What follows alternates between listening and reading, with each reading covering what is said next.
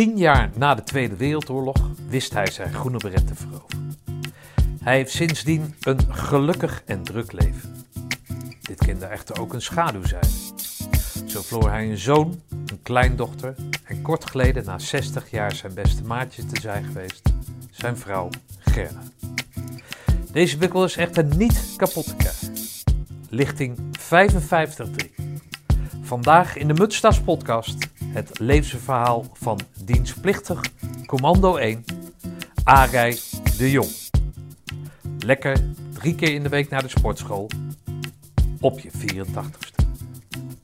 Commando 1, de Jong, 36 03 1679. Dames en heren, ik zit vandaag in, uh, in Opdam, een kwartiertje rijden van, uh, van Alkmaar. Degene die hier tegenover me zit, die uh, heeft mij opgehaald en mij ontvangen in zijn gezellige huis. Ehm, hier en daar hoor je wat, wat dieren, waaronder mijn eigen hond, al liggen ze nou wel te slapen. Pietje op de achtergrond. Ik zit vandaag bij Arij de Jong. Arij, jij, uh, jij oogt jong, maar je bent, uh, je bent toch wat ouder dan, uh, dan dat ik dacht. Uit, uit welk jaar stam jij? Ik stam uit 1936. Ik ben geboren in Renen. En in Renen is een stadje wat eigenlijk een, enorm van de oorlog heeft geleden. Daar heb ik dus nog steeds foto's van. En ik heb dus s'nachts de vliegtuigen, de bommenwerpers, die de Rijn overgingen die gingen richting Duitsland toe. En de gevechten van die vliegtuigen met de Duitsers, dat was bij ons boven de deur. En op een gegeven ogenblik stond er morgens een stuk staart van een vliegtuig stond in de schuur. Oké. Dus je hebt die oorlog van, uh, van ondanks dat je jong was, hè, want dan was je 36, 4 een jaar of, nou ja, van 4 tot een jaar of 9. Ja. Heb je aan de lijf ondervonden? Ik was uh, acht jaar en toen heb ik met een broodtrommeltje langs de deuren gelopen voor een beetje eten. Want mijn vader die zat in huis en die dorst niet naar buiten te gaan vanwege de tot, die dus achter de deur aan het werk was. Tot is? Wat is tot? Tot, dat is, uh, dat is een arbeidsvoorziening vanaf de Duitsers uh, hadden dat ingevoerd toen. Ah, oké. Okay de juiste benaming. Dus daar pakten ze mannen van uh, werkbare leeftijd pakten ja. ze op en die werden te werk gesteld. Ja. Ik heb ook s'nachts liggen luisteren naar de V1's die overkwamen. We lagen op een hooizolder in, we moesten evacueren, want we mochten niet in Renen blijven wonen. En op die hooizolder, dan lagen we s'nachts te luisteren naar de V1's die overkwamen. En als er op een bepaald moment, als ze begonnen te pruttelen, die motoren, dan was het van, ja, hij, hij stopt, hij stopt, hij stopt. En dan waren we blij als hij dus weer aansloeg en weer verder ging. Ja.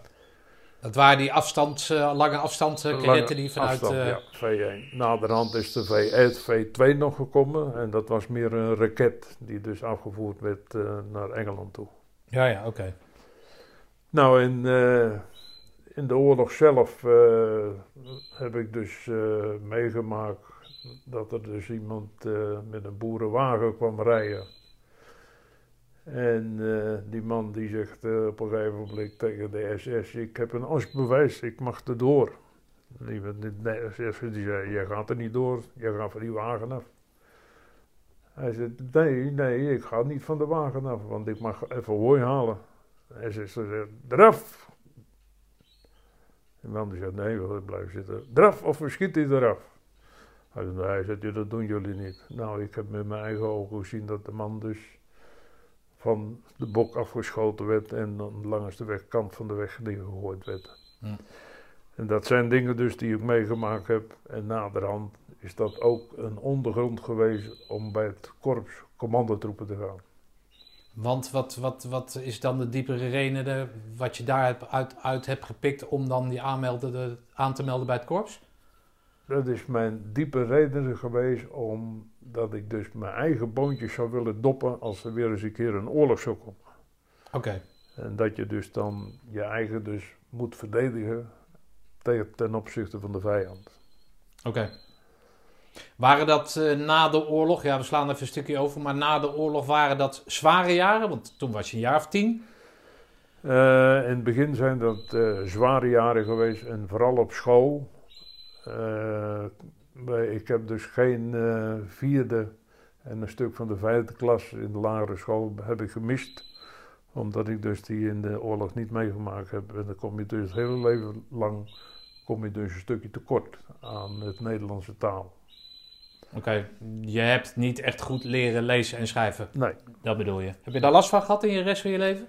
Ik heb er altijd last van gehad en vooral om, eh, met zinsopbouw en dergelijke. Als het dus in de moeilijke, eh, moeilijke dingen van de Nederlandse taal gingen, dan, ja, dan wist ik het op een gegeven moment niet, want ik had het nooit geleerd. Oké, maar ging je dan eh, niet verder waar je gebleven was op school na Nee. de oorlog? Je Nee. werd gewoon door, vanwege je leeftijd ging je gewoon naar de zesde, zeg maar. Gewoon, ik ging gewoon naar de zesde. Ah, oké. En dat heeft je ook opgebroken in verdere studies dan? Dat hebben we zeker opgebroken, want eh, ik heb bij naderhand ben ik getrouwd geworden en mijn vrouw, dat was de, een secretaresse.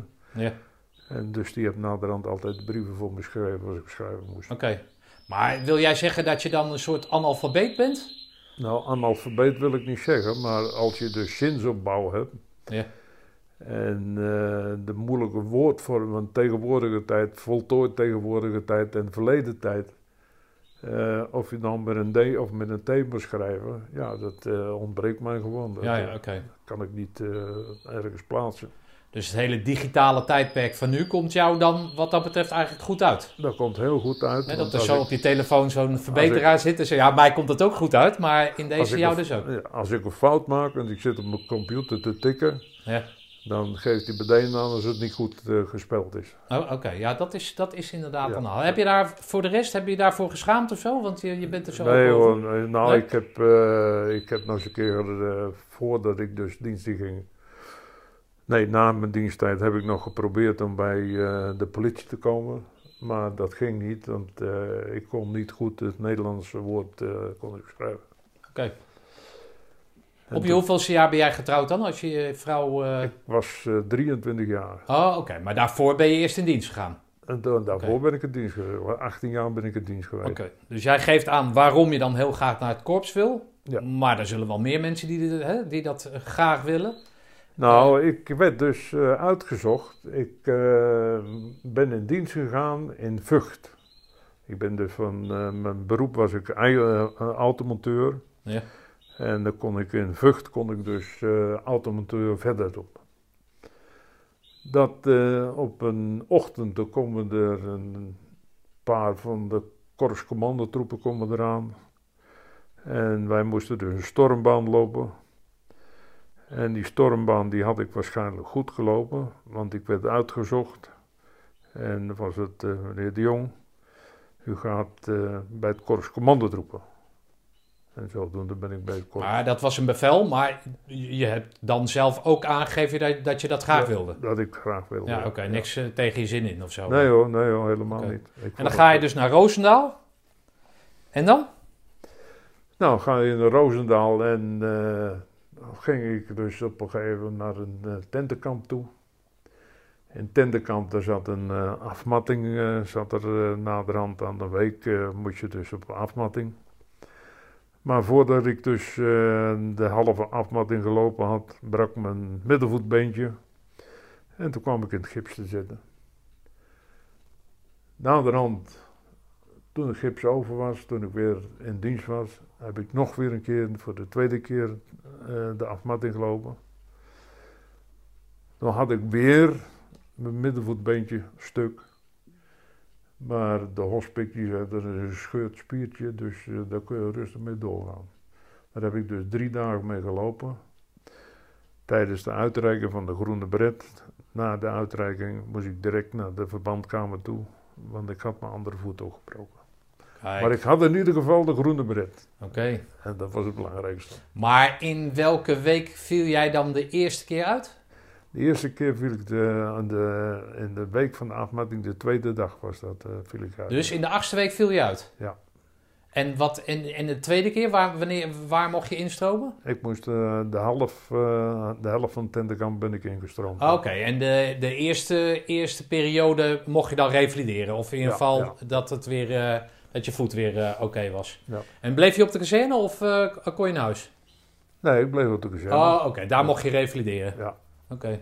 Hey, en eh, is dat niet gek dan dat je dan eh, zomaar in een andere tentenkamp terechtkomt?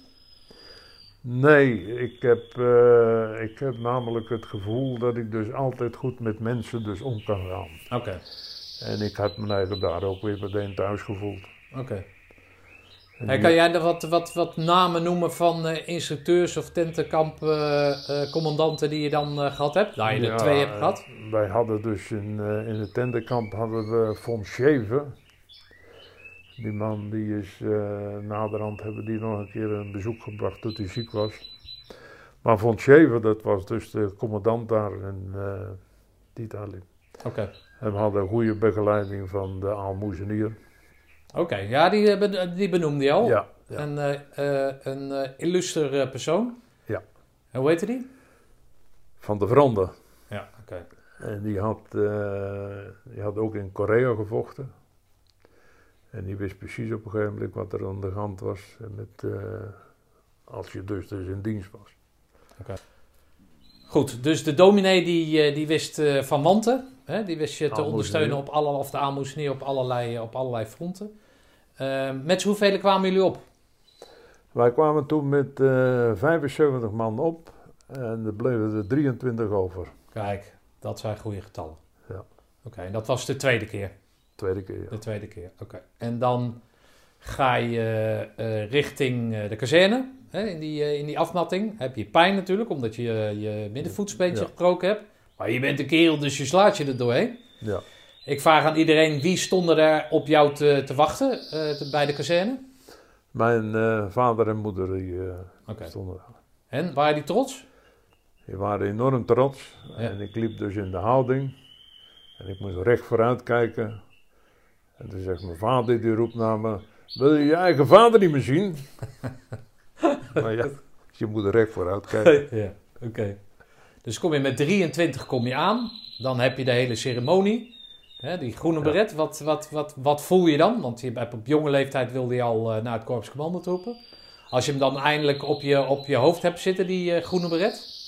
Ik voelde mijn eigen heel groot. En ik was trots dat ik dus die groene bret te pakken had gekregen. Oké, En dat is hetgene wat je dus naderhand in je verdere leven meedraagt. oké. Je krijgt dus altijd, heb ik een diepe neerslagen gehad. Maar doordat je denkt, ik heb dus nog wat eh, meegemaakt.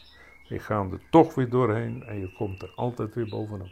Oké, Doordat je dus doorzettingsvermogen hebt gekregen. Dus dat die groene beret en wat je daarvoor hebt moeten doen... Dat heeft jou een, een soort leidraad gegeven in je leven waar je aan kan vastklampen als het, eh, als het even tegen zit, om Ja. het zomaar, eh, Ja. zomaar te zeggen. Oké, dan ga jij de 108 in, zag ik op een aantal foto's hier. 108 jaar.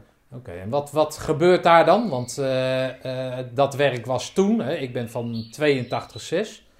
Nou, het is natuurlijk, zit er eindeloos veel tijd zit daartussen. Kun jij beschrijven wat, eh, hoe het werk van de, de paratencommando er toen uitzag?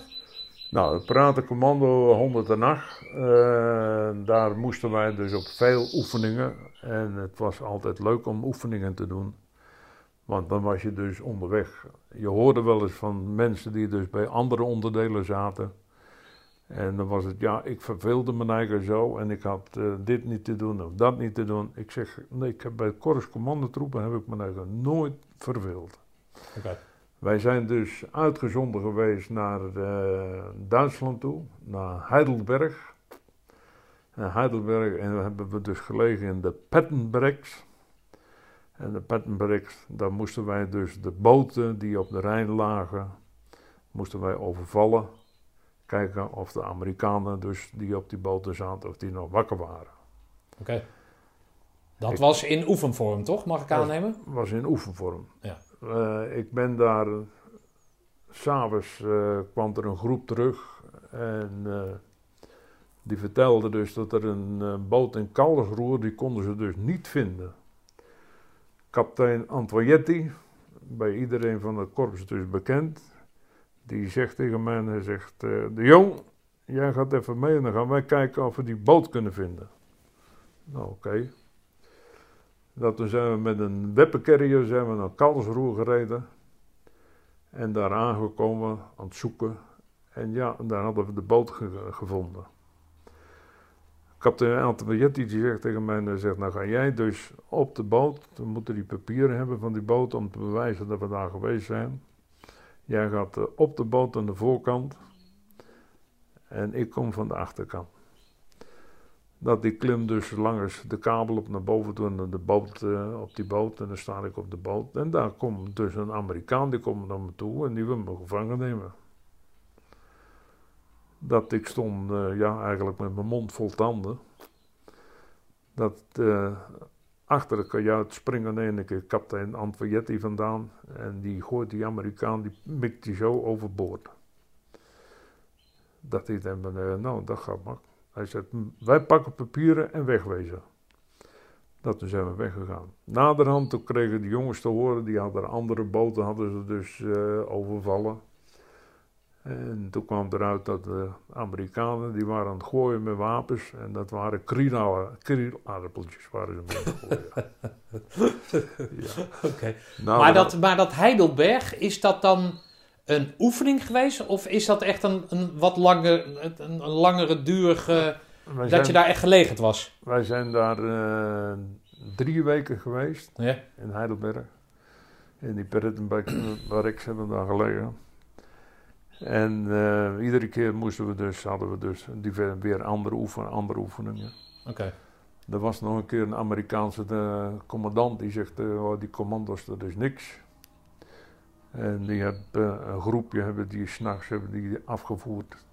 Oké. En die hebben we dus vastgezet en naderhand weer losgelaten natuurlijk. Maar jullie taak, zeg maar, als 108 of als korpscommandotroepen. Ik kom uit het tijdperk dat het waarnemen verkennen was. Hè, achter de linies, ingraven. Kijken wat er eh, over je heen reed, zeg maar. Hè, qua Russen die dan richting, eh, richting eh, het, het, het westen gingen. Dat dan doorgeven. En, en daar werden dan acties, al mocht het echt, echt zijn, acties op ondernomen. Maar wat was jullie specifieke taak als 108? Wij moesten eh, daar eh, kijken of de Amerikanen dus nog wakker waren. Die dus, eh, Ja, op die in Heidelberg. Maar in het algemeen? In het algemeen moesten wij dus ook dus natuurlijk voor de oostkant in, moesten we daar zijn. Maar verder hadden we opdracht om te kijken in, in welke groepen waar de Amerikanen dus zaten en of zij dus daar nog wakker waren. En dan moesten we waarnemen en kijken wat er aan de hand was. Ja, ja, en dat oké. moesten we door. Maar die Amerikanen speelden dan eigenlijk de rol van de Russen? Ja. Oké, en dus jullie moesten zeg maar eh, echt offensief bezig zijn. Jullie Ja, waren echt de, de, wat ik dan heb begrepen vroeger, en was dat echt overvallen, Ja. eh, rotzooi maken, de, de vijand ontregelen, om het Ja. zo, maar, eh, zo maar te zeggen. Want ik, ik ken die beelden dan eh, met, die, met die vrachtwagens waar je uit moest, eh, uit moest eh, springen. En, ja, ja, Hè, dus ja. het was het echt het sabotagewerk. het sabotagewerk ja, we doen. Ja, dat is wel een spannende tijd dus. Heel spannend. Oké. Met z'n hoeveel waren, was die 108? Was dat een compagnie of zo? Dat was een compagnie, ja. Oké, want je had ook nog de 105, meen ik? 105 had je ook nog. En toen had je de 104 ook nog, ja. Ja. En dat waren ze dus, er waren drie compagnieën. Ah, oké. En in drie gebouwen werden die ondergedeeld. En jullie gingen met z'n allen op, eh, op, eh, op oefening soms? Ja, of de- alleen ja. maar één compagnie?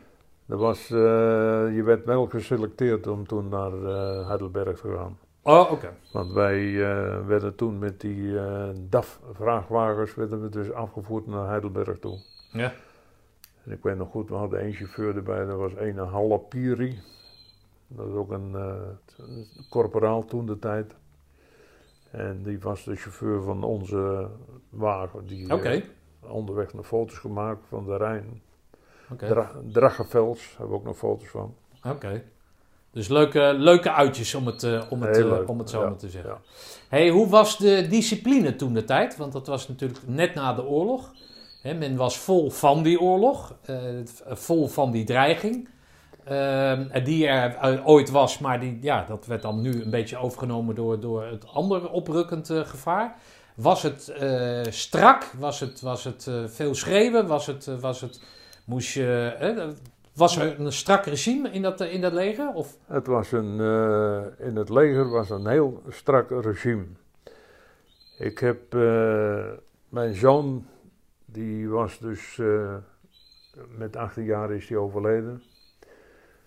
Toen ben ik eh, nog eens een keer naar de korps commandotroepen teruggegaan. Heb ik mijn familie had ik meegenomen. Heb ik laten zien. Ik zeg, kijk, ik zeg, hier zitten korps commandotroepen. Ik zeg, hier vind je nog geen luciferstokje op de grond. Hm. Terwijl dat het dus in, eh, bij de luchtmacht werd er allemaal een beetje zo zus en zo gedaan. Hm. Maar korps commandotroepen was dus echt voor discipline. En dat je dus de zaak goed voor je eigen en de zaak goed verzorgt. Oké. Ja, dat kan ik me voorstellen. Want de jaren 60, ja, die waren er dus nog niet. Maar het kwam er wel aan natuurlijk. Hè? Dus het, het- er kwam denk ik wel wat, eh, wat versoepeling. En de eerste lange haren kwamen denk ik dan. Of, eh, dus Ja. jullie waren echt wel een goede Wij uitzondering waren, wij waren nog gewoon kort geknipt. op een veranderende maatschappij inderdaad. Ja, ja. Oké. Eh, had je daar moeite mee? Of eh, voelde je daar als een vis in het water? Of, Nee, hoor, nee, ik voelde me eigen altijd thuis. Ik heb altijd thuis, heb mijn vader ook altijd geleerd, discipline. De kam die moet daar liggen. Oké. Dus jij was dat gewend? Ja. Ze hoefden jou niet herop te voeden van eh, waar kom jij ja. vandaan? We doen Nee. het op deze manier. Voelde jij je prettig in die omgeving? Ja, ik voelde me eigen enorm prettig. Oké. Eigen Discipline, dat is een ding wat je dus gewoon dus moet hebben. Oké, heb je dat je hele leven, leven meegenomen, zeg maar? In je hele leven meegenomen? Ja. Oké. Dus dat is jou altijd goed van pas gekomen? Heel goed van pas komen, ja. hey, maar dan, eh ja, dan eh, nadert het eind van de diensttijd. Hoe lang heb je gediend in totaal? 18 maanden. 18 maanden, oké. Maar wilde jij geen beroeps worden dan? Er is mij toen wel gevraagd of ik eh, nog door wil gaan. Eh, maar toen zat ik eh, op een gegeven moment had ik verkering en zo. En dan zit je dus na te denken over te trouwen. En toen zei ik, nou nee, nee, dan ga ik dus liever niet. Want toen ben ik dus. Waar heb je vrouwen leren kennen? Ik ben, mijn vrouw heb ik dus eh, naderhand op de bus leren kennen. Maar in Roosendaal ben ik ook nog verloofd geweest namelijk. Oké, met een, iemand anders. Met iemand anders. Om het zo maar te zeggen. Ja. Ja, oké. Maar eh, ja, op een gegeven moment dan woon je te ver van elkaar af. Van Roosendaal naar Renen, dat is veel Ja. te ver van elkaar af. En dat raken we dus in de slip. En dat is toen afgelopen. Ja, oké, maar verloven is, dat is meer dan verkering, toch? Ja, ja. Dan heb je echt de intentie om met elkaar te gaan trouwen. Ja, ja. Dus door de afstand, Ja. die natuurlijk niet, eh, in die tijd niet makkelijk te overbruggen was. Maar mijn, eh, mijn verloofde toen, die, eh, die ging stof voor een blik kopen. Ja. Ik denk, maar dat gaat niet goed.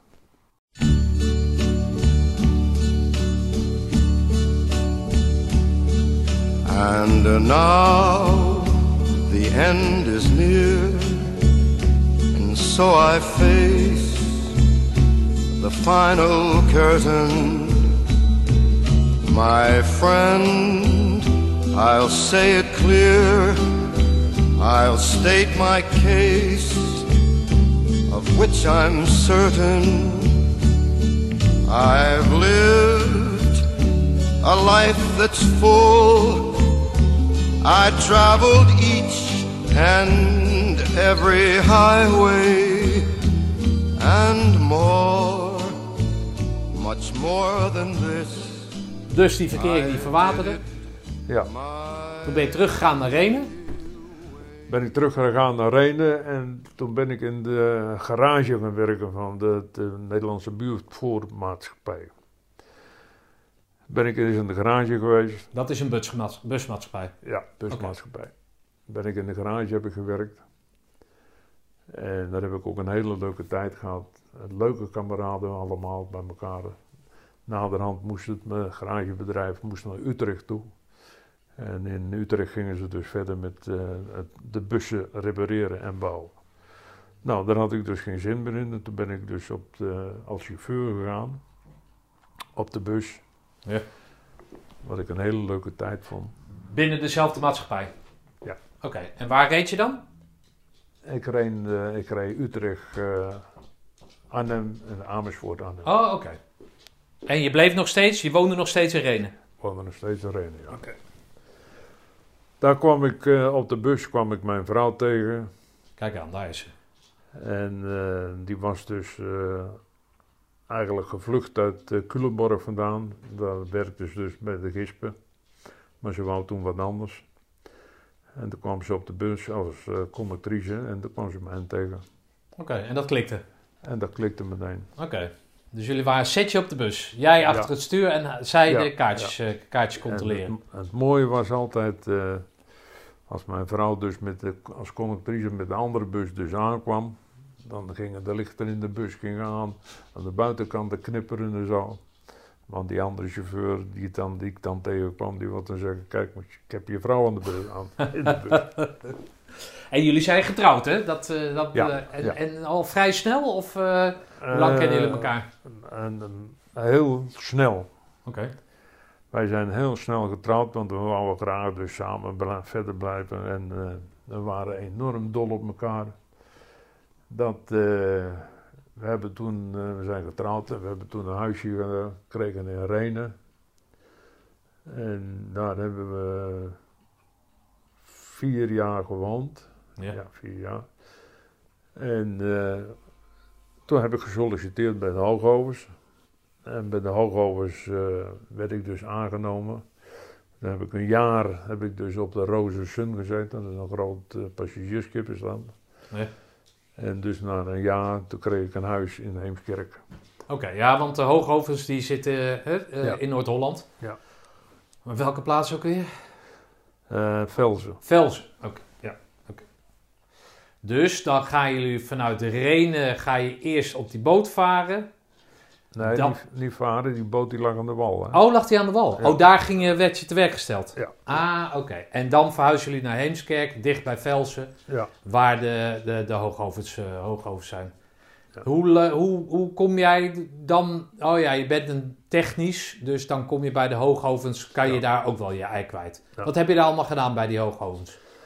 Nou, ik, eh, ik zou dus eh, chef van de wacht worden bij de, de blokwalserijen. En op een gegeven moment komt de bedrijfschef van de Hoogovens, die komt bij mij en die zegt, ja, maar u kunt ook bij Hoogovens zelf komen werken. Dan kunt u ook dus in de opleiding voor eh, chef van de wacht. Nou, Chef van de wacht is, wat is dat? dat is de hoogste baas in de, in de wachtdienst. Oké, bij de poort, zeg maar. Nee, gewoon, dat is de baas over 65 man. Oh, oké, die gewoon zeg maar aan het werk zijn en dan... Ja, Ja. oké. Maar die opleiding die kun je dus nergens anders kun je krijgen, alleen maar bij hoogovers. Want en, eh, het is het ruw ijzer maken, wat je dus doet. Ja. En dat eh, is dus in andere landen, of tenminste in Nederland is dat verder is dat niet te vinden. Dus dat was een heel aparte. Maar daar voelde ik me eigenlijk ook weer thuis. Om de reden dat de jongens daar zo hard moesten werken. En die gingen altijd enorm kameraadschappelijk met elkaar om. Nou ja. En dan voelde ik me eigenlijk, al commando zijn, dan voelde ik me eigenlijk ook thuis. Dat ik heb eh, allerlei cursussen gedaan, dus diploma's die heb ik allemaal bewaard. Allerlei cursussen heb ik gedaan. En toen ben ik dus eh, opgeklommen, dus eerst eerste smelter en naderhand eh opzichter. Tot reservechef van de wacht. Oké. Hé, maar luister eens. Dan heb je daarvoor gestudeerd. Ja. Had je dan geen last van, van die achterstand die je in de Nederlandse taal had dan, waar je over vertelde? in Nee, het begin? nee, nee. Oké, Nee, dat was nee, meer met je handen werken en... was, ja, en met je gedachten, hè. Ja, oké. Want eh, je had dus de hoogovers, die eh, hadden ze dus in het begin, dat ik daar kwam, hadden ze dus ook nog niet helemaal in de hand. En eh er kon dus van alles gebeuren, doorbraken en dergelijke. Mm. Nou ja, dat moet je dus zien als je op een gegeven moment bij de hoogovers zit. Maar dat is, eh, dat is een enorm innoverend eh, vak is dat. Ja. Vertel mij even, want iedereen zegt altijd hoogovens. En iedereen, maar wat maakt, wat maken ze bij de hoogovens? Of Nou. wat maken jullie? Hè? Want je bent nog steeds lid van de familie. Maar wat maken jullie bij de hoogovens? Wij maken bij, eh, bij de hoogovens maken wij dus eh, in eerste instantie de hoge ovens, die maken dus de ruw ijzer. Ja. Dat ruwe ijzer gaat naar de staalfabrieken. En van de staalfabrieken gaat het dus naar de walserijen. Oké. En bij hoogovens, bij de staalfabrieken maken ze speciaal staal. Wat ze dus niet op andere bedrijven kunnen maken. Oké. En waar, waar wordt dat staal voor gebruikt? Dat staal wordt speciaal gebruikt voor eh, blikjes maken en voor de auto-industrie. Oh, is het blikjes maken, hè? Ja. Conserveblikken? Ja. Oké. En wat, wat is daar dan zo... Wat, waar moet dat aan voldoen dan? Dat het dat Dat- nergens anders gemaakt kan worden? Dat eh, moet eh, voldoen als je dus een auto kijkt. Hè, je ziet een auto allemaal de vierkantjes die omgebogen zijn. En al die eh, staalplaten die moet je dus net in allerlei richtingen kunnen buigen en Ja. breken. Dat ze dus niet breken. Ja, oké. En daar hadden jullie zeg maar het specialisme in? Ja.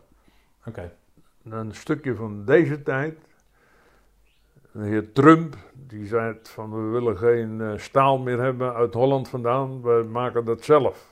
Is niet waar dus. Maar toen kwam Trump die kwam in de knoei te zitten, want de blikfabrieken in Amerika, die, die konden dus dat niet zonder het blik van de hoogovens. Want in. Amerika konden ze dat speciale blik niet maken, om uh, kolenblikjes en dergelijke te maken. Hé, hey, maar luister eens, is dat dan de enige plaats ter wereld waar dat specialisme aanwezig is? Ja. Ah, oké. Kijk, dat wist ik dan weer niet. Dus dat is een... eh, Nee, nee, nee, en eh, naderhand is het dus overgenomen. Maar dat speciale uh, hoogoverstaal, wat dus het blikje van gemaakt wordt, dat, eh, dat is werkelijk nergens anders te krijgen. Oké, en dat is overgenomen door dat Tata Steel, hè? Ja. Oké, is, daar, is daar, ja, een sprongetje vooruit, maar is daar sinds dat het Tata Steel is, is dat veranderd dan qua sfeer of qua... Ja. Dat is enorm veranderd. En waarom? Eh, Tata Steel beschouwt het dus gewoon als een bedrijf in het veld, wat dus geld moet verdienen. Ja. voor de jongens in India. Hoogovers, directie, die heeft toen een eh, fout gemaakt. Tenminste een fout. Die hebben dus eh status, status eh hebben ze dus overgegeven naar Tata Steel in India. En voor de prijs dat Hoogovers zelf moest de rente betalen van de prijs die erover gaat. Oké, Dus Hoogovers die zat dik in de schuld bij Steel. oké. En daar kwam dus bij, er kwam nog een Engels bedrijf dus bij. Het was dus Steel eh, Europa. Dat eh, Engeland, dat heeft dus altijd eh, enorm met verlies gewerkt. Oké. Ja, daar zijn wat trucken uitgehaald. Hè? Dus Ja. het, wat ooit een mooi bedrijf was, Ja. is nu een soort opgenomen in een verdienmodel waarin dan zeg maar jullie vestiging de klappen daarvan eh, ja, van. Hoogovers die verdienen nog geld hier. Ja, Ja. En dat, dat doet pijn bij jou, zeer veel pijn. want jij vertelde eh, in het voorgesprek, om het zo maar te noemen, dat jij nog steeds bij Tata Steel, eh, of in ieder geval bij de Hoogovens betrokken bent. Hè? Ja, Je, je ja. loopt daar, geeft daar rondleidingen in het, in het museum. Ja. En er werken nogal wat familieleden van jou, door Ja. jou toedoen bij Hoogovens, hè? Want, vertel eens, Mijn, wie werken er allemaal uit jouw familie bij de O? Wie heb je daar allemaal heen gesleurd? Mijn eh, zoon heb ik er daarheen gesleurd. En eh, mijn schoonzoon, die heb ik daar ook heen eh, gewerkt. Ja. Mijn zoon die heeft eh warmband 2, heeft hij dus helemaal verder ontwikkeld. Wat is dat? Dat is dus een plaatstaal uitwalsen. Ja.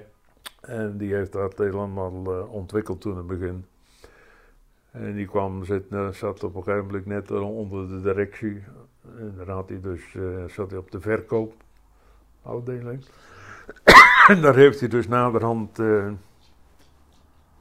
heeft hij daar eh, de brei aan gegeven. En toen is hij bij, eh, is hij onderwijzer geworden bij de afdeling Hoogovers. Oké. Maar wel bij de Hoogovens gebleven dus? Ja. Oké. Nou, dan heb je, heb je de jongens dan toch eh, de juiste richting in, eh in, Ja, hoor. geschopt. Ja, Wat grappig. Nou, Ja. vertelde jij mij ook een, een, eh, een, eh, een triest voorval. En dat was het verlies van jullie, eh, van jullie oudste zoon, was dat hè? Ja. Kan me daar wat, wil je daar wat over vertellen? Eh, mijn oudste zoon, die eh, Hoe heette die? Wim. Wim. Eh, Wim die, eh, die had dus eh, op een gegeven moment, wat hij zit, zat op het voortgezet onderwijs. En eh, daar had hij dus enorm naar zijn zin. En op een gegeven moment zei hij tegen mijn pa, ik wil niet verder gaan leren meer. Ik zei, oh joh, ik zei, dan kun je bij de Hooghoofdskut terecht. Dat had ik hem meegenomen. En dan werd op een gegeven moment hard gewerkt en gebuffeld. Mijn oudste zoon die keek dat zo eens aan. En die zei, nou, ik ga toch maar liever leren, pa. Oké. Toen kwam mijn tweede zoon, die zegt, eh, ik heb ook gezin met hem te leren, pa. Ik zei, nou, ik zei, je kunt bij de hoogovers terecht te werk. Dan word ik s'nachts gebeld. Eh, ja, meneer de Jong, ik heb eh, uw zoon hier zo in, die- in de walserij. We hebben dus geen plaats meer. Ik zei, waar heb je dan verder nog plaats? Ja, alleen nog nou over de kookfabrieken. Ik zei, oh ja, maar dat is wel vies werk. Ik zei, stuur hem maar heen, dan knapt hij misschien op. Dat mijn tweede zoon, die kwam thuis, s'avonds, helemaal zwarte ogen had hij nog. Hij zei, pa, wat is dat leuk werk. en hij is nooit meer weggegaan bij Hooghoofd. Maar, En, en dat is hij dus ingenieur geworden. oh, kijk, dat bedoel ik. Maar Wim is jouw oudste zoon. Ja. En Wim eh, ging in militaire dienst. Ja. Waar was hij gelegerd? Die was in Gilserij geweest. Die wou graag naar de luchtmacht. En eh, hij zegt, eh, als ik bij de luchtmacht zit, dus dan kan ik zelf bij de knoppen, als er dus wat aan de hand is. En dan wil ik graag bij de luchtmacht. En die ging dus in opleiding bij de luchtmacht in Gilserij. ja. Dat die jongens, eh, ja, zijn jong en willen wat. En op een gegeven moment natuurlijk met z'n allen lekker uitgaan in Breda. En toen kwamen ze terug bij, eh, bij de kazerne. En de chauffeur die was dus eh, behoorlijk dronken. De drie jongens, die kameraden, die er achterin en die zeggen op een gegeven moment... Nou, weet je wat, wij lopen dat stukje wel naar de kazerne tot naar het bed toe. Oké. Nou, zit mijn zoon, ik breng hem wel even naar bed toe, want als hij dan weer een bakje krijgt, dan is het... eh, dan krijgt hij ontslag. Enfin, de reizen met z'n tweeën reizen de kazernetrein op. En dat ging dus eh, niet voorzichtig. De eerste en de beste boom die was raak. En toen is mijn zoon is overleden. En dan sta je raar te kijken als er morgen drie officieren dus voor je deur staan. Met een mededeling dat er wat aan de hand is. En dat hakt er dus enorm in. Maar om dan weer op het korps terug te komen. Die tijd hebben we dus met z'n tweeën heel zwaar geleden. Maar toch weer met de gedachte, we komen er toch weer uit. Hm. Ja, en eh, dat was dus eh, het einde van mijn oudste zoon. Die, eh, Hij is maar 18 jaar geworden. Hij is maar 18 Ah, dus dat is, dat is Ja. echt verschrikkelijk jong inderdaad. Ja. dat moet een klap zijn. Hoe ging jouw vrouw daar mee om? Nou, mijn vrouw die ging er zo ver mee om. Die ging op een gegeven moment weer ruiken op de kamer van die jongen wat ik ge- gelegen had. eh, of zijn lucht er nog in. Hm. Ik zeg, nou, ik zeg, nou gaan we dus maar verhuizen. En toen heb ik dan een ander huis gekocht in eh Hensbroek. Oké. Maar jullie konden daar wel met z'n tweeën, zij aan zij, en zij- hebben jullie dat, Ik zeg had maar, dat, eh, dat, huis wat ja, dat huis wat ik dus gekocht had, Ja. daar had ik dus enorm veel werk aan. Want er was een oud eh, boerenhuisje en eh, daar heb ik mijn eigen helemaal dus eh, verzet met al het werk wat er was. En mijn vrouw precies hetzelfde, want die was ook iedere dag was er druk. Ja. En daardoor kon je dus je... Ga je samen, ga je een uitdaging aan, Ja. dan maak je er wat moois van. Heb jij het geluk natuurlijk dat je handig bent. Ja. Hè, dus dat je dat allemaal zelf kan. Dus dan, nou ja, het klinkt een beetje zo, maar dan kan je het achter je laten. Ja. Je zal er nooit tevreden mee zijn, of je hebt er nooit tevreden mee hebben, maar je kan het dan achter je laten. Ja. Oké, dat moet een zware tijd zijn geweest, toch? Enorm, Ja. enorm zware tijd. Denk je nog wel eens aan hem? Ja, altijd. Ja? Ja. Oké. Ja hoor. Want hoe oud zou hij nu geweest zijn dan? En- drie- 63. Kun je nagaan, ja. Ja. Ja, Want mijn andere zoon die wordt nou 60, hij wordt drie jaar ouder. ja oké. Nou, wel mooi dat je dat hebt overwonnen samen met je Ja. vrouw. Of dat Ja. met aangaan en ah, overwonnen zal nooit het juiste woord, want je gaat er natuurlijk nooit overheen. Nee, nee. Maar daarin zeg jij dat hetgeen wat je in Roosendaal hebt opgedaan, dat dat je wel Ja. die leidraad heeft gegeven om, eh, om verder, eh, verder te knokken. Mijn vrouw die, eh, die heeft dus veel ziekten gehad. Die is vaak ziek geweest. Heeft een stukje van de dinne- dikke darm, een stukje van de dunne darm kwijt. En de long was er een stukje van kwijt. Maar iedere keer toch weer doorzetten van, meid, kom, we gaan weer verder. We gaan weer door. Hm. Op een gegeven moment was ze vanaf de middel was ze helemaal verlamd. Was eh, achteruit geschoten en toen was er in de rug wat gebeurd. Nou, toen moesten we naar, eh, bij, naar Den Haag toe, in de Usla kliniek. Daar moest ze dus geopereerd worden door een professor. En die professor die was al dik in de 70. En die zegt, nou, ze, die, ze kan nu, kan ze nooit meer lopen. Dat eh, met doorzettingsvermogen van, we komen er toch weer uit, heb ik mijn vrouw toch weer aan het lopen gekregen. Oké, oh mooi. En eh, ze hebben dus weer gelopen, is ze weer gelopen. En toen hebben ze dus die tegenslag ook weer door het doorzettingsvermogen, wat je dus hebt, toch weer er doorheen gegaan. Echte maten dus, ja, je vrouw. Hoe heet je vrouw? Ja? Hoe heet je vrouw? Gerda, Gerda Maria. Gerda Maria en jij, dat waren twee handen op één buik. Oké. Hoe, hoe was dat verlies van je zoon voor de andere kinderen dan? Nou, mijn dochter, die heeft daar ook een enorme tik van gehad. Want eh, die officieren kwamen binnen en mijn dochter zei, ik zal even koffie, en ze meteen koffie zetten en meteen eh, de zaak Want hoe oud was je dochter toen? Mijn dochter die eh, was toen 14 Oké, jaar. de- maar die heeft dus echt alles meegemaakt. Ja, ja. Oké. Ja. En je andere zoon, hoe ging die daarmee om? Nou, dat was dus eh, twee handen op één buik. Oh. En eh, toen heb ik dus geprobeerd om weer wat anders voor hem te vinden. Want die twee die gingen dus samen altijd overal heen en als het feestje Beste maten. En eh, ja, op een gegeven moment moet je zeggen, ja, wat, wat kun je nou doen? Toen heb ik hem dus eh, bij de manege in uh, Herengewaard, heb ik hem bij, eh, bij Piet Mul heb ik hem toegebracht. En eh, Piet Mul was een goede kennis van me. Ik zei, joh, ik zei, maar luisteren, die jongen die heeft een enorme tegenslag gehad natuurlijk, dat hij zijn broer kwijt is. Proberen wat met de paarden te doen, dat hij er dus overheen groeit. Oh ja, oké. En dat is dus gelukt. Hij, eh, hij is er dus enorm opgeklommen in, het, in de. Oh, grappig. Daar heeft hij dus eh, enorm veel dingen gedaan, achttallen rijden en dergelijke. Oh, mooi. En daardoor zat hij dus meer in de manege als dat hij dus thuis Ah, kwam. oké. Heeft hij daar zijn werk van gemaakt? Nee, hij heeft er zijn werk niet van gemaakt. Nee, nee. Want jij hebt hem weer naar eh, de hoogovens gesleurd natuurlijk. Ja. Zit hij nog steeds in de paarden? Ja, hij zit nog steeds in, in de. OO's, ja. Ja, oké. Ja, tegenwoordig heb je van die therapie hè, met, met paarden, dus dat zal dan... Ja, ja, Ja. ja. ja. hij, eh, het is net als ik zeg, hij heeft toen enorm met die, dus in die manege aan het werk geweest. Ik ben er zelf ook nog aan het werk geweest, aan de stallen lassen en dergelijke.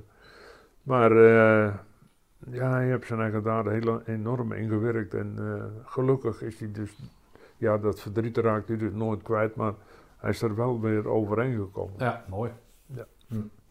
hey, ehm, jouw vrouw... Nou maken we een hele sprong hoor.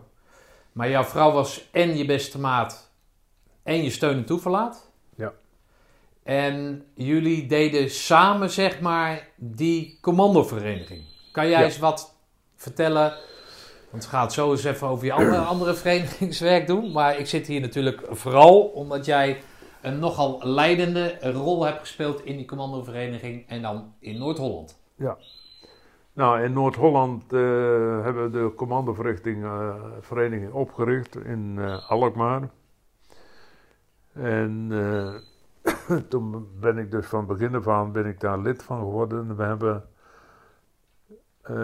in Alkmaar, ja, die, dat hotel, dat weet, ik niet hoe dat heet, maar daar hebben we dus de commandovereniging opgericht. Jij was een van de medeoprichters. Van, de- van de medeoprichters. Maar eh, hoe kwam je dan in contact? Wie heeft dan dat initiatief genomen? Je komt op commando tegen serieus, laten we eens wat gaan doen? Of was het toen mode was- om was commandovereniging een, eh, eh, Een eh knul die, eh, die had dus gehoord dat de commandoverenigingen in eh, Gelderland en eh, Limburg hadden een commandovereniging. Dat hij zegt, dat moeten wij in Noord-Holland ook hebben. Oké. Zijn we bij elkaar gekomen in eh, Alkmaar. Allemaal aangeschreven natuurlijk. Zijn we bij elkaar gekomen, jongens, we moeten ook een commandovereniging hebben in Noord-Holland. Nou, oké, die hebben we dus opgericht. We zijn toen begonnen met eh, uitjes eh, te maken naar museums toe. Naar, we hebben dus eh, van allerlei dingen gedaan. Dat op een gegeven ogenblik, dan was het eh, een jaar of acht waren we verder. En eh, toen zegt de voorzitter, ja, het wordt tijd dat ik ermee uitschrijf dat de penningmeester die zegt ook, ja, ik wil dus graag wat anders. Nou, toen heb ik mijn eigen beschikbaar besteld, gesteld als voorzitter zijn en, en er werd over gestemd. En iedereen zei dat ik voorzitter moest worden. Nou, dat heb ik dus opgepakt. Dan hebben we de commandovereniging, alle commando's die er waren, hebben we dus overal uitgenodigd voor een eh, feestje, een nieuwjaarsreceptie. Werd altijd gehouden in... eh, of ze nou lid waren of niet? aangesloten. Als ze geen lid waren, konden ze ook komen. Ah, Oké, want ik vraag me dus af, ja, sorry dat ik je onderbreek, maar hoe, hoe kom je dan aan al die adressen dan? Eh, of hoe weet je waar commando's wonen dat je ze aan kan schrijven of kan bellen? Eh, de meeste adressen krijg je dus van eh, horen van die, oh, die hebt er ook nog gezeten, ja, die hebt er ook nog gezeten. En zodoende, ja, je, je komt nou nog wel eens tegen mensen, mensen tegen die nou nog lid worden van de commandovereniging. Die eigenlijk nooit geweten hebben dat er een commandovereniging was. Ja, en dan komen ze dus nou nooit naar achter. Maar, je bent niet eh Roosendaal gaan aanschrijven, joh, wij gaan een commandovereniging in Noord-Holland. Doe mij eens even alle adressen van alle commando's wonend in Noord-Holland. Die krijg je niet, hè? Nee, oké. En die kerels waarmee jij in dat hotel in Alkmaar dat hebt opgericht, Ja. die kende jij eigenlijk niet? Ja, die, die kennen je allemaal van elkaar, hè? Je hebt eh, op een gegeven moment... Nee, tuurlijk, maar in het begin. Ja, Die kende je niet uit je eigen lichting Nee, nee, nee. Die kom je Er toevallig waren- tegen Er was dan- er eentje en er was er eentje bij, de penningmeester, die zat wel van mijn lichting. En naderhand had ik dus nog twee die eh, ook van mijn lichting zijn geweest van eh, 58 jaar. Ja, oké. Nou, en dan breidt zich dat uit? Ja. Oké. Dus dan word jij voorzitter. Voorzitter. Verandert er dan wat in die, eh, in die club? Nou, er verandert dus zoveel dat eh, we hadden een evenementencommissie. En die evenementencommissie, die werd dus vroeger altijd afzijdig gehouden. Want die moesten dus verder eigen. Dus. En toen hebben we gezegd, de evenementencommissie komen gewoon in het bestuur. Ja. Om reden dat die jongens, die moeten dus de planning maken voor een of ander feest. En dan weet het bestuur meteen wat er aan de hand is en wat er gaat gebeuren. Oké. Dat eh, hebben we toen meteen ingezet. Oké, en wat voor activiteiten, behalve naar een museum gaan en een, een borrel, is dat, dat, zijn dat wandelingen dan? Of, eh, of, eh, Nou, een van de dingen die we in de zomer altijd deden, was uh, Jeu de Boule. Oké. Dat is ook een leuk eh knikkerspel. Boogschieten in Alkmaar. Oké. We zijn, eh, we hebben georganiseerd het uh, Zuiderzeemuseum in Enkhuizen, zijn we geweest. We hebben georganiseerd in, eh, al, in eh, Lange Dijk de, de veiling. Oké, ja, Lange dat, dat speelt nogal een be- belangrijke rol. Hè? Kan jij eens Ja, vertellen wat er in ja. Lange Dijk is gebeurd? Of? Nou, in Lange Dijk, eh, daar waren wij dus met eh oud-mariniers, waren we dus een keer aan het praten. En die zeiden, ja, maar er liggen bij ons in Lange Dijk, liggen ook nog mensen die dus in Indië geweest zijn, oud-commando's. Oh, dat, eh, daar zijn we dus toen met de burgemeester aan het praten geweest. En toen hebben we gezegd, nou, we moeten dus bij die herdenkingen, komen we dus op 4 mei ook op Lange Dijk. Dat, eh, dat was meteen goed voor elkaar met de burgemeester. We hebben dat meteen nog goed geregeld.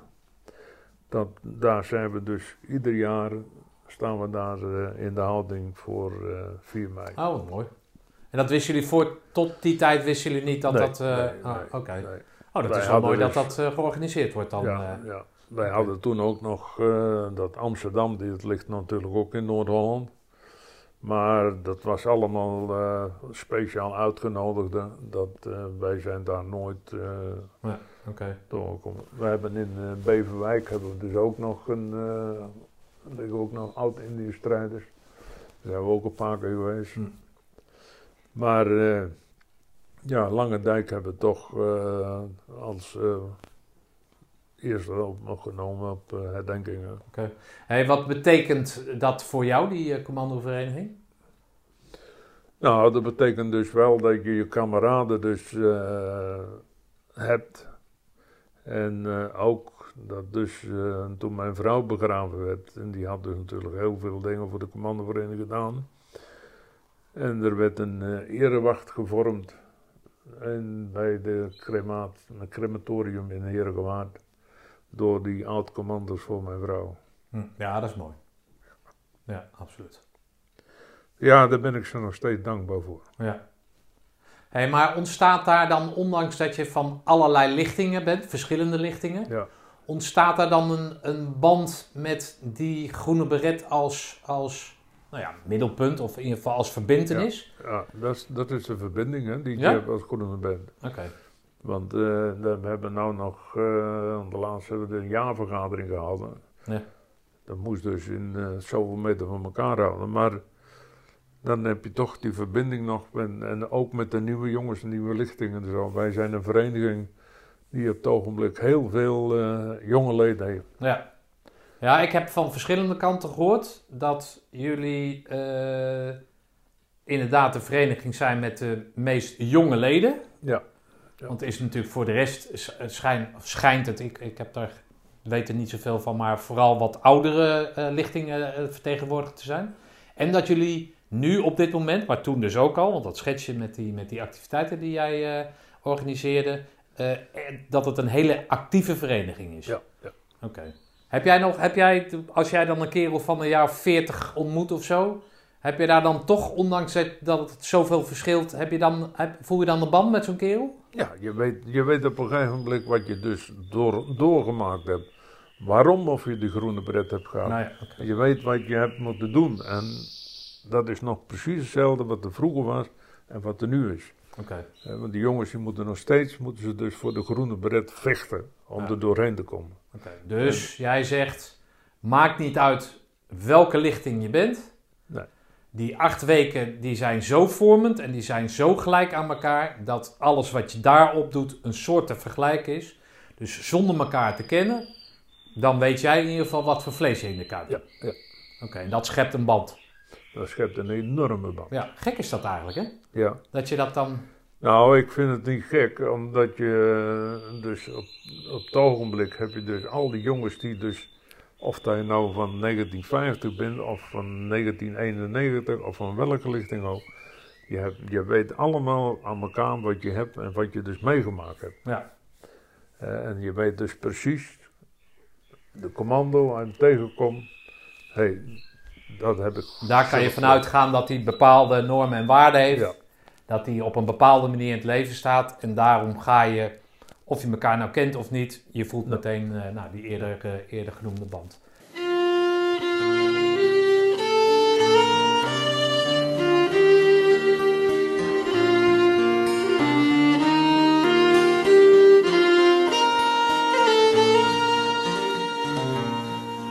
Well, I wish I had someone to love me, someone to call me her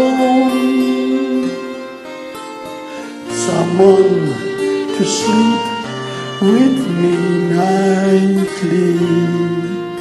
I'm weary of sleeping alone.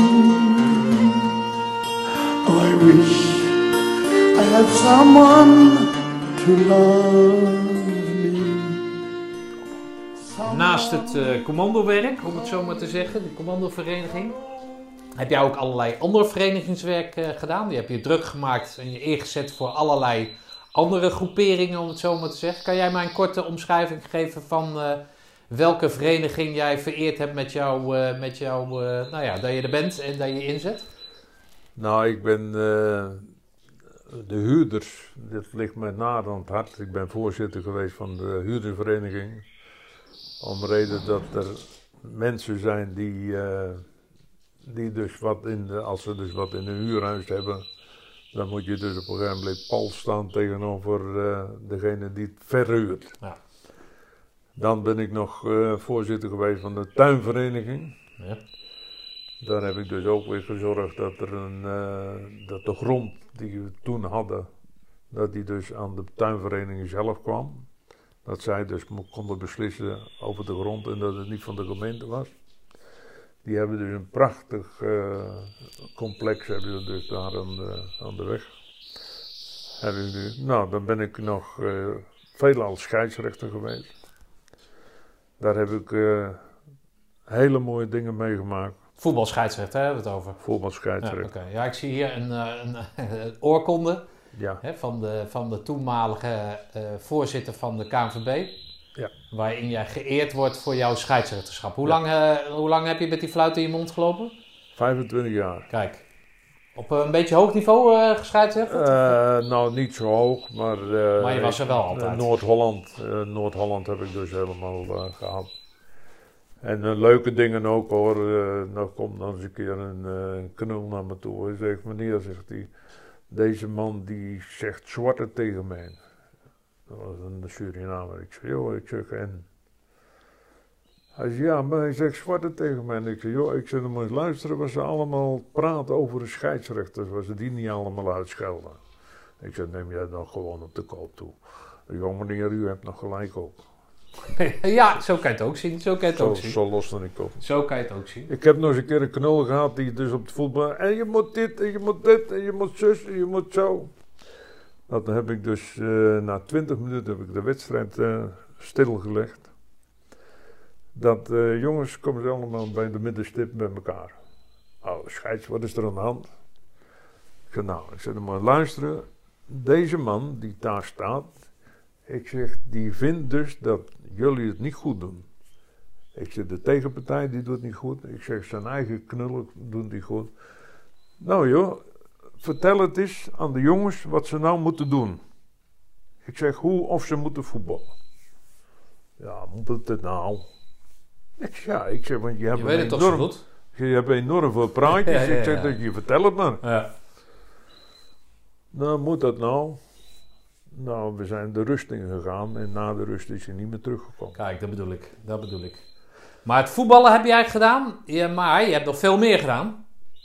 Mm, Ja, wat heb ik allemaal Nou, die gemeenteraad, dat is niet zomaar wat natuurlijk. Ja, ik heb ook nog twaalf jaar in de gemeenteraad gezeten. Heb ik ook altijd met plezier gedaan. Hey, en jouw vrouw, want je bent altijd druk. Je vrouw die assisteert, maar die vond dat allemaal maar goed. Ja. Dat je elke avond weg was. Ik heb- Want daar komt dat dan eh, eh, Ik heb vrij snel altijd- op neer, Ik toch? heb altijd enorm medewerking van mijn vrouw gehad. Oké. Maar die had dus zelf, eh, die had zelf ook hobby's. Eh, die schilderijen. Oh, die die schilderijtjes. Oh, die zijn Die vergeten. hangen. Die, zijn, die hebben zij allemaal geschilderd. Oh, leuk. Ze hebben een heel gedichtenboek geschreven.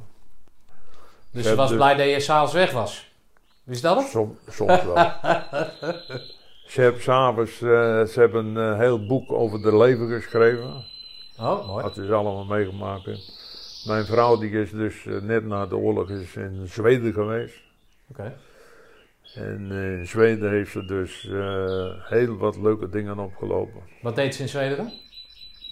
De kinderen dus net na de oorlog, die moesten aansterken en dan gingen ze naar Zweden toe. Oh, oké. En daar was zij... En haar broers, die, haar broers die gingen heen. En zij dacht dus dat het net naast de deur was. En daar wou ze ook mee. Dus is ze ook naar Zweden geweest. En dan is ze daar bij een onderwijzeres is ze daar eh, gekomen. Twee jaar. En eh, ze hebben dus flink eh, Zweeds geleerd. En toen kwam terug in Holland. En ze kon haar eigen moeder niet meer verstaan. Oh, oké. Heeft die- ze dat bijgehouden, dat Zweeds? Dat... Ja, ja. Oh, dus, dus als jullie dan bij wijze van spreken naar Zweden gingen, kon zij eh, Ja. zich verstaanbaar maken? Ik, ik kan het ook nog een klein beetje. Ah, oké. Ja, talen lite svenska. Nou, kijk, eh, ja, dat is Zweeds, dames en heren, Ja. dat is Zweeds. Hé, hey, luister eens, maar jouw, de ultieme eh, bevestiging of in ieder geval beloning voor al dat werk wat je voor andere mensen doet. Ja. Hè, wat het dan ook is, met een fluit in je mond of die commandovereniging of die huurdersvereniging. Dat is, nou vertel eens. Ja, daar heb ik eh, de koninklijke onderscheidingen van gekregen van eh, Beatrix. Oké. Ik heb dus eh, het Koninklijk Huis meegemaakt in het begin de uitreiking van het vaandel voor de korpscommandotroepen. Nou ja, op Door, het eh, eh, Binnenhof hè? door koningin Juliana.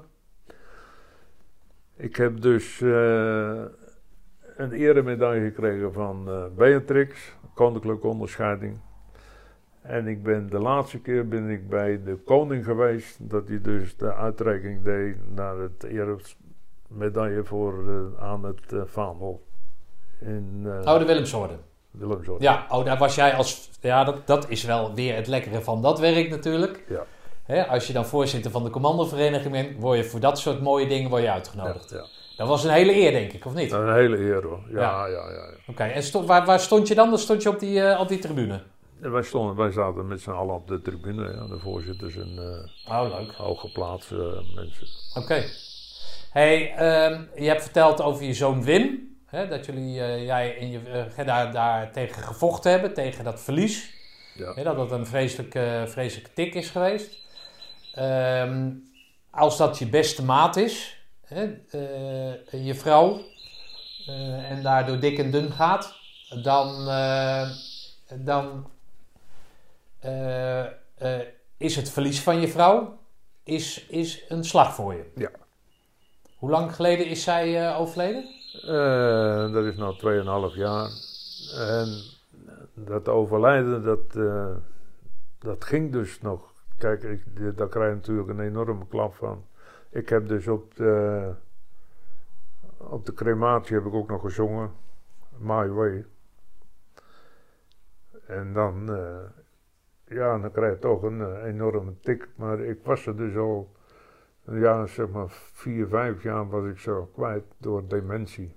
Ja, dat vertelde je inderdaad. En dat heb ik ze dus eh, ja, helemaal tot het eind van het leven heb ik uh, Ja. bijgewerkt. Jij vertelde dat je, dat je, dat je niet gekozen hebt. Nou, je hebt gekozen om haar zelf te verzorgen. Ja, ja. Hè, waar anderen, daar mag je het natuurlijk niet over oordelen, maar er is altijd gelegenheid om, eh, om dan iemand die dementeren is in een verpleeghuis eh, Ja, eh, ja.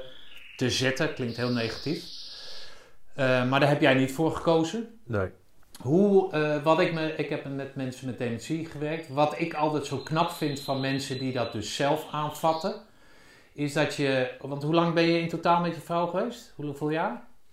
Bijna 60 jaar. Ja, kijk, 60 jaar. Maar dat je dus die, in die laatste vier jaar waarin zij dus eh, steeds slechter wordt. Hè? eh, je- nou ja, misschien jou niet eens Ja. meer herkent of de kinderen Nee, nee. herkent. Of de, nou ja, vervreemd raakt van, van haar eh, omgeving. Hoe je dan die laatste vier jaar die andere 56 jaar vast kan houden. Die mooie herinneringen Ja, daarin vast kan houden. En dat als iemand steeds verder afglijdt, hoe je die liefde dan in stand kan houden. Hoe, hoe, hoe, hoe is jou dat gelukt? Of, of hoe, hoe, hoe heb je dat nou, gedaan? het is, eh, mijn, het is mij gelukt om, om zover dus te gaan dat ik, eh, ik heb toen gezegd, ik zeg, ik wil je verzorgen tot het laatste toe. Maar de gedachte dus die, eh, ik heb daar toen op een, een cursus ben ik ook geweest, om mee te leven hoe de mensen dus gaan denken. Hè? Hoe, hoe, dat ze dus niet meer zien wat er dus de omgeving dus doet. Hm. En ik ben toen op een cursus geweest om dus eh, te ervaren en te leren hoe of een dementerende man of vrouw, hoe of die denkt en hoe of die is. Want mijn, eh, mijn huisarts, die zegt op een gegeven moment, u moet eens een keer naar uh, Herengewaard met uw vrouw, voor te kijken voor de dementeren. Ik zeg, joh, ik zeg, dementeren. Ik zeg, mijn vrouw die heeft helemaal niks. Hij zegt, nou, zegt die gaat er maar heen, dan zullen we kijken. Later ben ik in Herengewaard uh, bij hulp bij dementie geweest. En toen kwamen we erachter dat mijn vrouw dus zwaar aan dementeren was. Hm. Terwijl dat ik zelf dus dacht dat er niks aan de hand was. dat er niks aan de hand was. Hm. Nou, ik heb. eh, ik ben toen dus eh, mijn eigen schrap gaan zetten. En ik heb geprobeerd om. Dus de oude tijd iedere keer weer terug te halen. Eh, ik heb met foto's. Ik heb enorm veel fotoboeken heb ik boven liggen. Heb ik geprobeerd om mijn vrouw te laten zien. Van kijk, daar zijn we ook geweest en daar zijn we geweest. Maar dan kreeg ik dus niet naar voren toe dat ze dat begreep dat ze daar geweest was. Want dan zei ze dus rustig, ja, daar ben ik nog geweest. Ja. En eh, dat doet dan altijd zeer, hè, dat je dus dan niet meer kunt bereiken wat je dus vroeger bereikt hebt. Ja. Maar ik heb geprobeerd, en mijn kinderen die zeggen altijd, pa, dat heb je goed gedaan. Ik heb toch geprobeerd om ze dus zoveel mogelijk thuis te houden en niet eh, in een dementerende bejaardenflat of zo te doen. Ja. Maar goed.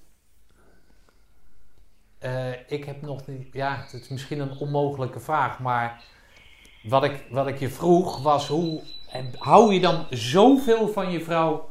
dat je die laatste vier jaar, zoals jij zelf zegt, ja, zo is het leven. Ja, ja maar je kunt er verder niks Ja, je aan kan doen. er flikker aan doen, maar Nee. dat, dat, dat blijft, Nee, maar- gewoon, blijft gewoon bovendrijven Ja, van, nou ja, ja. Het, het is niet anders. Het is niet anders. En eh, dat, eh, iedere keer vragen de mensen dan aan je van, eh, ja, hoe gaat het nou? Ik, ja, ik zeg, het is niet anders. Ik moet ermee leren leven.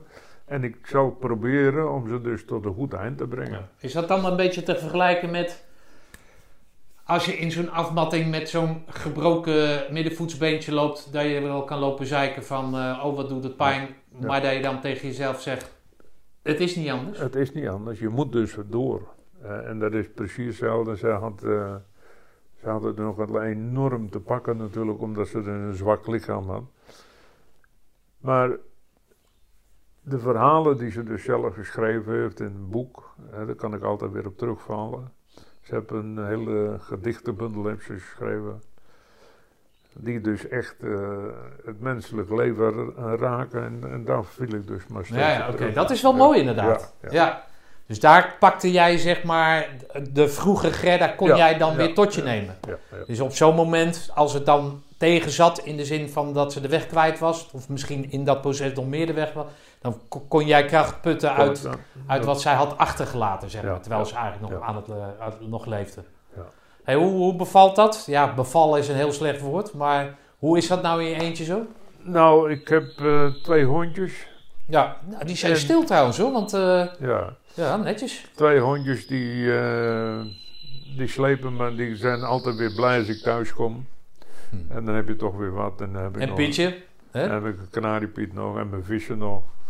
Dat, eh, ja, ik zit wel eens op zo'n eh, zo'n site te kijken voor andere vrouwen. En dan moet je dus eerst zoveel betalen. Weer dus in zo'n contactgroep te komen. Ja. En dan denk ik van, nou, nou, Laat maar gaan.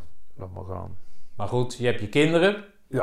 Iedere morgen komen ze hier koffie drinken. Kijk, dat vind ik leuk, want Ja. er was geen koffie meer, maar dat hebben de kinderen op, eh, opgedronken. Ja, ja. ja, zit Je hebt drie kleinkinderen ja, en je hebt zes achterkleinkinderen. Ja. Maar dat kan ook niet anders met die leeftijd natuurlijk. Dus, Eh, eh, nee, zes. eh, Kijk, je had eh, eh, een, een, kleindochter, er die- vier heb ik, vier achterkleinkinderen. Oh, vier achterkleinkinderen. Ja. Oké, maar die zijn allemaal wijs met opa of eh, ben je een oude bronbeer geworden? Wat is het? Nee, die komen nog steeds graag komen. Oké, en die zitten allemaal, die wonen hier allemaal in de buurt? Ja, eh, mijn, eh, mijn kleindochter die woont in eh Herengewaard. En mijn andere kleindochter die woont middenmeer die kant op. Oké, dus er wordt voldoende naar je omgekeken? Ja. Dus met die groene beret, de gedichten van Gerda, de verhalen van Gerda, je hondjes en, eh, en Pietje. En ja, die vissen die doen niet zoveel natuurlijk. Nee. Maar dan sla je door het leven. Ja. Is, door het speel- leven slaan, is dat te negatief? Nou, nee hoor, want ik, maar ik speel ook nog een beetje op het keyboardje. Ja, oké. Maar dus je haalt voldoende, voldoende vreugde uit het leven, Ja, zoals het is? Ja. Oké. Ik, wil, ik verveel me eigenlijk nog steeds niet. Ik ga nou drie keer in de week ga lekker sporten in de sportschool. Ja, nou 84 dames en heren, doe er wat mee. Ja? Ja. Oké, wat doe je dan? Nou, ik ga eerst altijd eh, even voor 100 eh, kilo ga ik even fietsen. Daar, eh, daarna ga ik dus naar de krachttraining. Oké. En dan op het eind loop ik nog even op de loopband. Even een paar. Nou ja, het is een podcast, dus het is alleen maar geluid wat je hoort natuurlijk. Maar er zit hier een, een fitte kerel eh, tegenover me. Nou, Arij Spakenburgs, Arij, eh, Spakenburgs voor Ari. Ik ben blij dat ik hier geweest ben. Ik bewonder je doorzettingsvermogen. En dat doorzettingsvermogen, dat, dat duidt dan altijd op dat je het heel slecht hebt. Maar ik denk dat jij, het, dat jij ondanks alle tegenslagen, de boel zo naar je hand kan zetten dat je, dat je mag spreken over een gelukkig mens. Lieg ik Ja. daarin? Wie? Lieg ik daarover? Als ik Nee zeg hoor, dat nee hoor. Nee, hoor. Ik, vind het nog steeds eh, mooi om te leven. Oké. We moeten gewoon met z'n allen doorgaan en zorgen dat de zaken goed komen. Nou, hartstikke goed, uh, Arjen. Bedankt voor je gastvrijheid. We gaan het eens mooi in de wereld, eh, wereld slingeren. En eh, we houden contact. Oké. Nou, dat was hem dan weer. Arij, ik ben jaloers op je levenslust, je doorzettingsvermogen en je sociale contacten. Je doet het goed, man, samen met Pietje en je hondjes. We zien elkaar volgend jaar in Roosendaal.